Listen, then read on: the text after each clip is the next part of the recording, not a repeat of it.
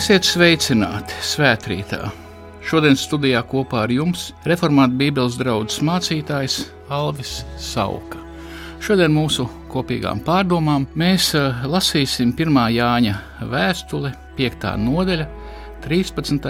līdz 21. pants, un es devu nosaukumu šodien mūsu pārdomām Elki un pārliecība par mūžīgo dzīvību. To es jums rakstu, raksta Jānis, kas ticat Dieva dēla vārdam, lai jūs zinātu, ka jums ir mūžīgā dzīvība. Un šāda paļāvība mums ir uz viņu. Ja mēs ko lūdzam pēc viņa gribas, viņš uzklausa mūs. Un ja zinām, ka viņš uzklausa mūs, ko vien lūdzam, tad zinām, ka saņemam to, ko esam no viņa lūguši. Ja kāds redz savu brāli vai māsu krītam tādā grēkā, kas nav nāves grēks, tas lai lūdz Dievu, un viņš dos tam dzīvību tādiem, kas nedara nāves grēku. Ir nāves grēks, par to es nesaku, lai lūdzu. Katra netaisnība ir grēks, bet grēks, kas nav nāves grēks. Mēs zinām, ka ik viens, kas dzimis no dieva, neturpina pastāvīgi grēkot, bet dieva dēls viņu pasargā un ļaunais neaizskar viņu. Mēs zinām, ka esam no dieva, un visa pasaule atrodas ļaunā varā bet mēs zinām, ka Dieva dēls ir nācis un devis mums saprāšanu, ka pazīstam, jeb zinām patieso. Un mēs arī esam patiesajā, viņa dēlā, Jēzu Kristu. Šis ir patiesais Dievs un patiesā mūžīgā dzīvība. Bērniņi, sargieties no elkiem!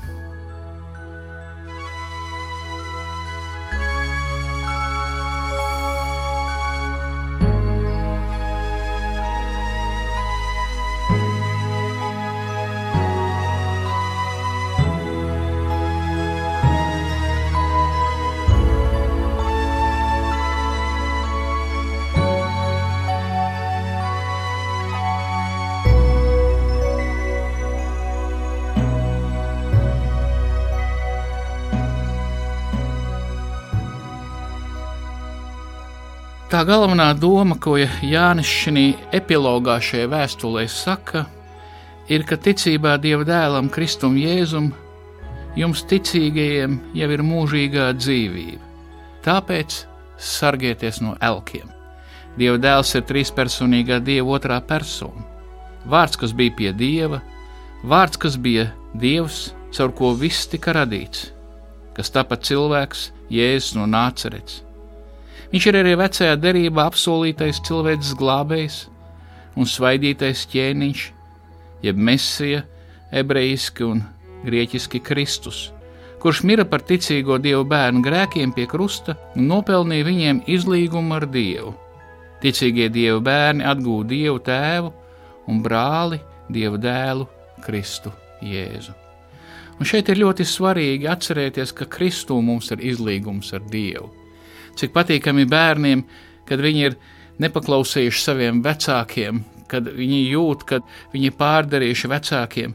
Un tad nāk šis izlīgums, kad bērns nāk pie vecāka, saka, tēti un mamma, piedod, es tur izdarīju kaut ko nepareizi. Un tēvs jau zina, kad bērns izdarīja sliktu. Tēvs nedzina laukā bērnu no ģimenes, bet tētim ir svarīgi bērna dēļ, lai bērns teiktu, piedod. Tāpat arī par patieso Dievu tēvu, jeb savu patieso ģimeni.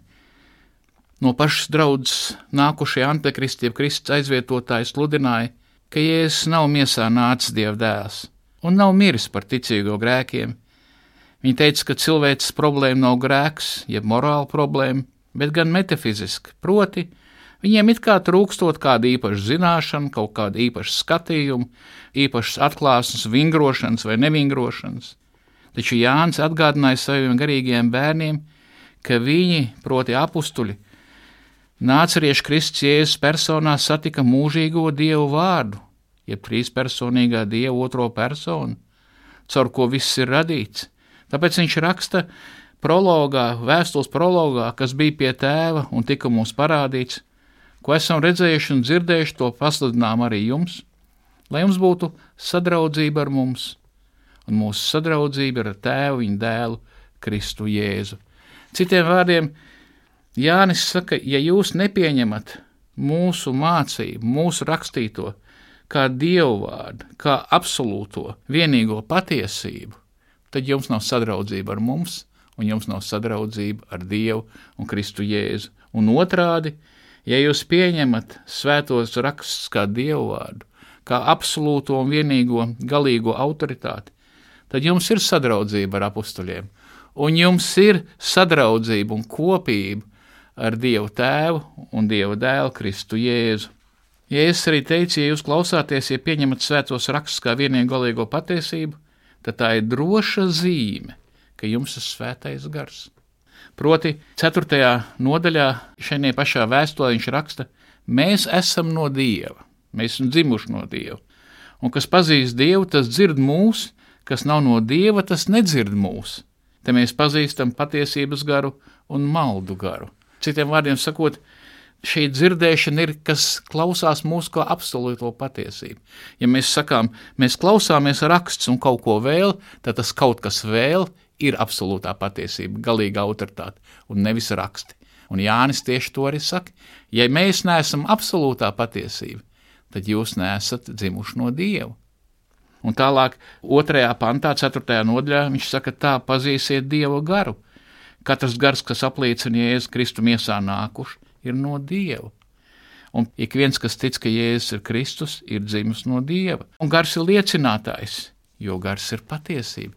Gars apliecina mums. Mēs garā tiekam izmainīti, mēs piedzimstam no jauna. Tās izmaiņas ir tik lielas, kā var teikt, piedzimšana no jauna, jaundzimšana. Un līdz ar to mēs tagad redzam un saprotam, ka svētie raksti ir absolūta patiesība, un ka Jēzus no nācerets ir ne tikai cilvēks, ir patiesa cilvēks, ir arī patiesa Dievs un visu radītājs. Bet Kristus aizvietotājiem, jeb antikristiem, šiem vilkiem avidrānās nemaz no svētā gara.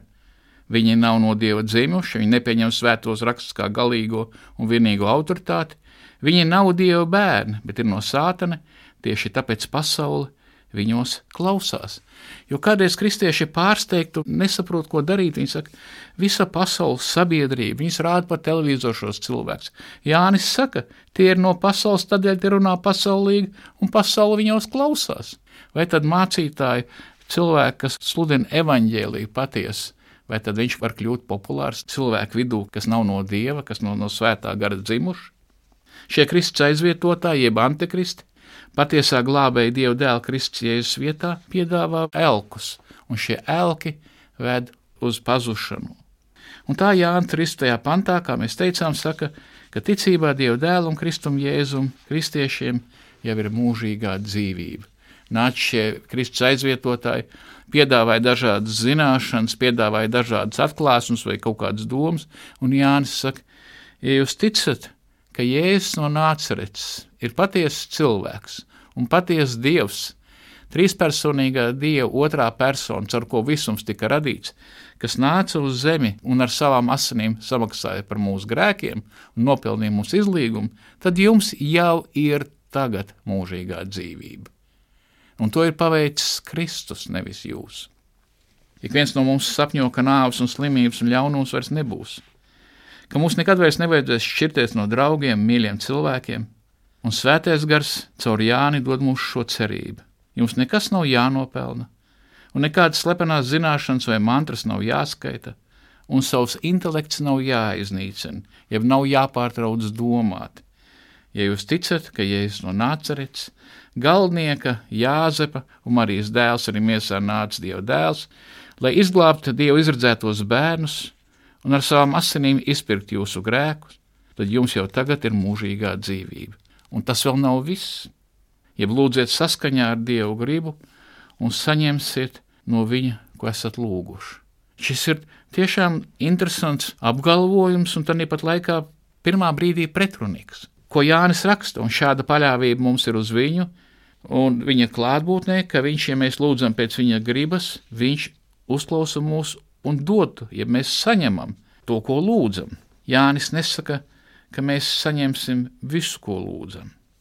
Jānis nesaka, ka viņš atbildēs uz visām lūgšanām, bet Jānis saka, ja mēs lūdzam pēc dieva gribas. Un kāda tad ir šī dieva griba? Jeb līdz ar to, kāds ir Dieva gribas nosacījums, lai viņš mūsos ieklausītos. Vispirms Jānis jau teica, es jums jaunu bausli dodu, jau jaunu likumu, lai mēs ticam Dieva dēla Jēzus Kristus vārdā un mīlam viens otru, kā Viņš mūs ir pavēlējis. Un šis ir šis kopīgais nosacījums, ir platforma, kā mēs domājam, kā mēs rīkojamies, mūsu attieksmes platforma, ka Viņš grib un var mūs dzirdēt un grib izpildīt, ko mēs vēlamies. Interesanti, kā šo vietu komentē Žants Kalvēns, jurists un mācītājs un teologs. Ar šo izteicienu Jānis domāja, Kalvēns raksta, atgādināt mums, kāds ir pareizs lūkšanas veids vai likums, proti cilvēkiem savus vēlmes ir jāpakļauj Dievam. Jo, lai gan Dievs ir apsolījis darīt visu, ko viņa ļaudis lūgs, viņš tomēr nepieļauj neierobežot brīvību lūgt visu, kas vien viņiem ienāk prātā. Bet tajā pat laikā viņš tiem noteica likumu, saskaņā ar kuru viņiem jālūdz. Un bez šaubām nekas nav labāks par šo ierobežojumu, Jo, ja katram no mums būs atļauts lūgt, kas viņam tīk, un ja Dievs izdabātu mūsu visām vēlmēm, tad mums noteikti tas nenāktu par labu.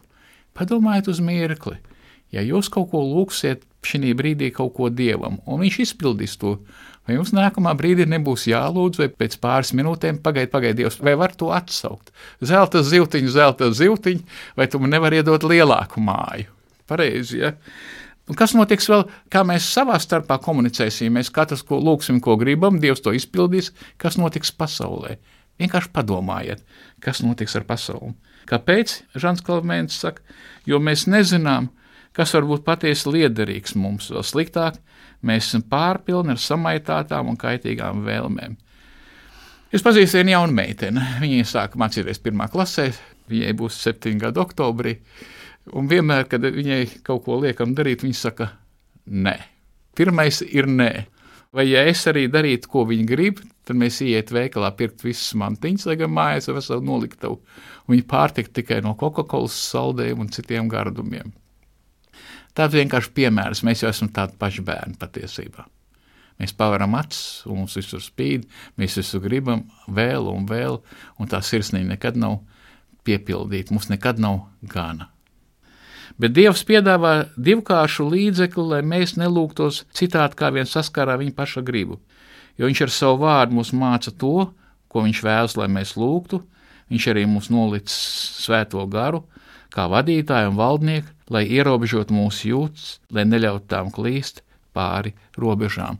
Līdz ar to Kalvins saka, ka ka mums ir svētie raksti, ka mums ir jālasa svētie raksti, mums nav jāiznīcina savs racionālais prāts, mums ir jādomā, kas tur ir uzrakstīts, kas tur ir pateikts, mums ir jādomā, kā ir veidot teikumi. Jebkurš cilvēks māk, jau pirmā, otrā klasē mācās lasīt cilvēks. Jebkurš bērns var izlasīt Bībeli un saprast, principā, ko Dievs grib. Un tad arī svētais kars darbojas un pasaka, kādā veidā tika pielietots kaut kādas noteiktas zināšanas vai rīcība tajā laikā, tajā situācijā, un kā mēs izmantosim šo šajā situācijā. Un galu galā, ja mēs kļūdāmies, visas lietas nāk par labu tiem, kas mīl Dievu. Visas lietas kopā nāk. Ne jau vispār ir tāds teiciens, ka viss nāk par labu. Nē, nē, nē. nē. Nenāk viss par labu. Nāk par labu visas lietas kopā tiem, kas mīl Dievu, kas ir glābti. Un 145. psalmā, 16. pantā, mēs lasām, ko Dāvids saka, tūs kungs, jeb tūs Jahe visiem, kas sauc viņu, visiem, kuri sauc viņu patiesi, viņš dod, ko tie kāro, kas bīstas viņa, viņš dzird tos brēcam un izglāb tos, sargā Jahve, jeb kungs visus, kas viņu mīl, bet viss ļaundars viņš iznīcinās. Un cik svarīgi 19. panci, kas bīstas viņu, jo Jahves, jeb kunga bīšanās, bija viņa priekšā, ir zināšana pamats zināšana iesākums un mīlestība uz viņu. Un šīs divas lietas, bijība un mīlestība, korģēs mums, ļaus mums vienmēr atgriezties, vai tas, ko es daru, patiešām pagodinās kungu vai nē. Un patiesībā jau kādreiz kristieši arī aiziet galējībās. Kungs jau grib, lai mēs ar labi atpūstos, lai mēs labi pavadītu laiku ar draugiem, lai mēs sērfot, ja mums ir iespēja, vai kāds no mums pastaigotos pļavā ar bērniem un lasītu sēnes. Katram pēc mūsu rocības, bet mēs katrs varam atrast savu prieku, ko Dievs mums dāvā, un Viņš grib, lai mēs baudītu Dieva dāvanas. Tālāk Jānis saka, lūdziet par grēkos kritušiem kristiešiem, brāļiem, māsām, un Dievs tiem dos mūžīgo dzīvību. Ja kāds redz savu brāli vai māsu, tur ir eh, adelfoja, krītam kādā grēkā, kas nav nāves grēks, tad lai lūdz par viņu. Viņš saka, es nesaku, lai lūdz par to, kas ir nāves grēks. Tūlīt mirkli parunāsim par nāves grēku. Bet, ja brālis un māsa ir kritis grēkā, lai viņš lūdz, un Dievs viņam dos mūžīgo dzīvību. Pagaidiet, tu laikam kaut ko esi sajaucis. Nu, pat pateici, ka viņiem ir jau mūžīgā dzīvība. Un tagad Jānis saka, viņš viņiem dos dzīvību, mūžīgo dzīvību. Šeit ir šī, Jānis izmanto šo valodu, lai pateiktu, ka caur lūkšanām mēs palīdzam kungam nosargāt mūsu brāļus un māsas, nosargāt caur lūkšanām, ka brālis ir pakrits vai māsa. Ir labi, ka mēs viņam pasakām, tiešām ar mīlestību saka, brāli, ko tu dari vai māsa? Tu taču zini, kāds būs iznākums un lūgt par viņu, protams, kādreiz ar vārdiem nepietiek. Un ši, kas ir šis nāves grēks? Šis nāves grēks, par ko Jānis nesaka, ka mums nav jālūdz, bet ka mēs varam nelūgt. Šie ir cilvēki, kas bija baznīcā, kas dzirdēja visu, un kas ne tikai aizgāja prom no Kristus, bet kas aktīvi cīnās. Ja kāds aiziet, mēs turpinām lūgt par viņu, varbūt viņš atgriezīsies, mēs nezinām. Bet tie, kas aktīvi cīnās pret Kristu, Jānis saka par viņiem, nē, nu par viņiem tad varbūt tās arī nelūdziet nemaz. Par viņiem tad varbūt arī nelūdziet. Un 18. līdz 21. pantam Jānis saka, ka Dieva dēlā Kristu Jēzu mums ir drošība un mūžīgā dzīvība. Mēs zinām, ka ik viens, kas dzimis no Dieva, neturpina pastāvīgi grēkot, bet viņš ir dzimis no Dieva un Dieva dēls viņu pasargā, un ļaunais neaizskar viņu. Citiem vārdiem sakot, tas, kas ir dzimis no Dieva, un šeit ir negrēko tagadnes formā, grieķu valodā nozīmē pastāvīgi grēko. Tas, kas ir dzimis no Dieva, viņš pastāvīgi nebūs grēkā. Mēs par viņu lūdzām, iepriekš Jānis saka, mēs lūdzām, mēs ar viņu runājām, un tas bieži vien varbūt tas ir ilgi, bet viņš tomēr atgriezīsies. Šis cilvēks tomēr atgriezīsies. Tāpēc brāļi un māsas nezaudējiet cerību, cerība par tiem brāļiem, māsām vai tuviniekiem, kas ir aizgājuši no kunga vai ir grēkā, turpiniet lūgt. Dievs ir visuvarens, ja viņš jūs atgrieza no mirušā stāvokļa, tad jau viņš arī jūsu brāļus un māsas pakritušos var atgriezt. Un tālāk Jānis interesanti saka, ka mēs esam no Dieva, un Dievs dēls ir nācis devis mums saprašanu. Jānis vēlreiz atgādina to pašu, ko iepriekš mēs teicām, ka mēs jau paši to nezinājām bet Kristus Jēzus izlietais svētais gars nāca, izmainīja mūsu sirdis, un mēs sapratām. Un tad mēs sapratām, un tad mēs iepazinām Kristu Jēzu. Pašiem mums tas neienākt prātā. Mēs nebijām ne ar ko labāk par citiem cilvēkiem, kas netic. Tāpēc mēs arī lūdzam par mūsu tuviniekiem, neticīgiem draugiem, par mūsu paziņām, mācām viņiem, esam laipni un ceram, ka caur lūgšanām un kādu gudru liecināšanu viņi tomēr atgriezīsies Un mēs šajā patiesajā viņa dēlā Kristo Jēzu Jānis saka, šis ir patiesais Dievs un mūžīgā dzīvība. Iedomājieties, monoteists, ebrejs no ebrejiem, Jēzus Kristus mīļotais māceklis, kurš nevarēja iedomāties, ka ir vairāki dievi, pat viņš saprata, ka Jēzus no Nāceretes ir arī patiesas dievs, ka ir viens dievs trijās personās. Tieši tāpēc Jānis nobeidz dievu bērnī, sargieties no elkiem.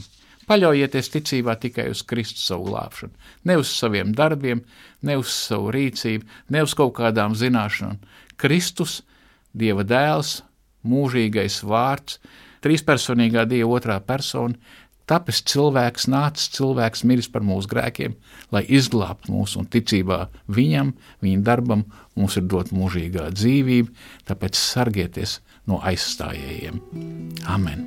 Svētrītā kopā ar jums bija reformāta Bībeles draugs mācītājs Alvis Sauka.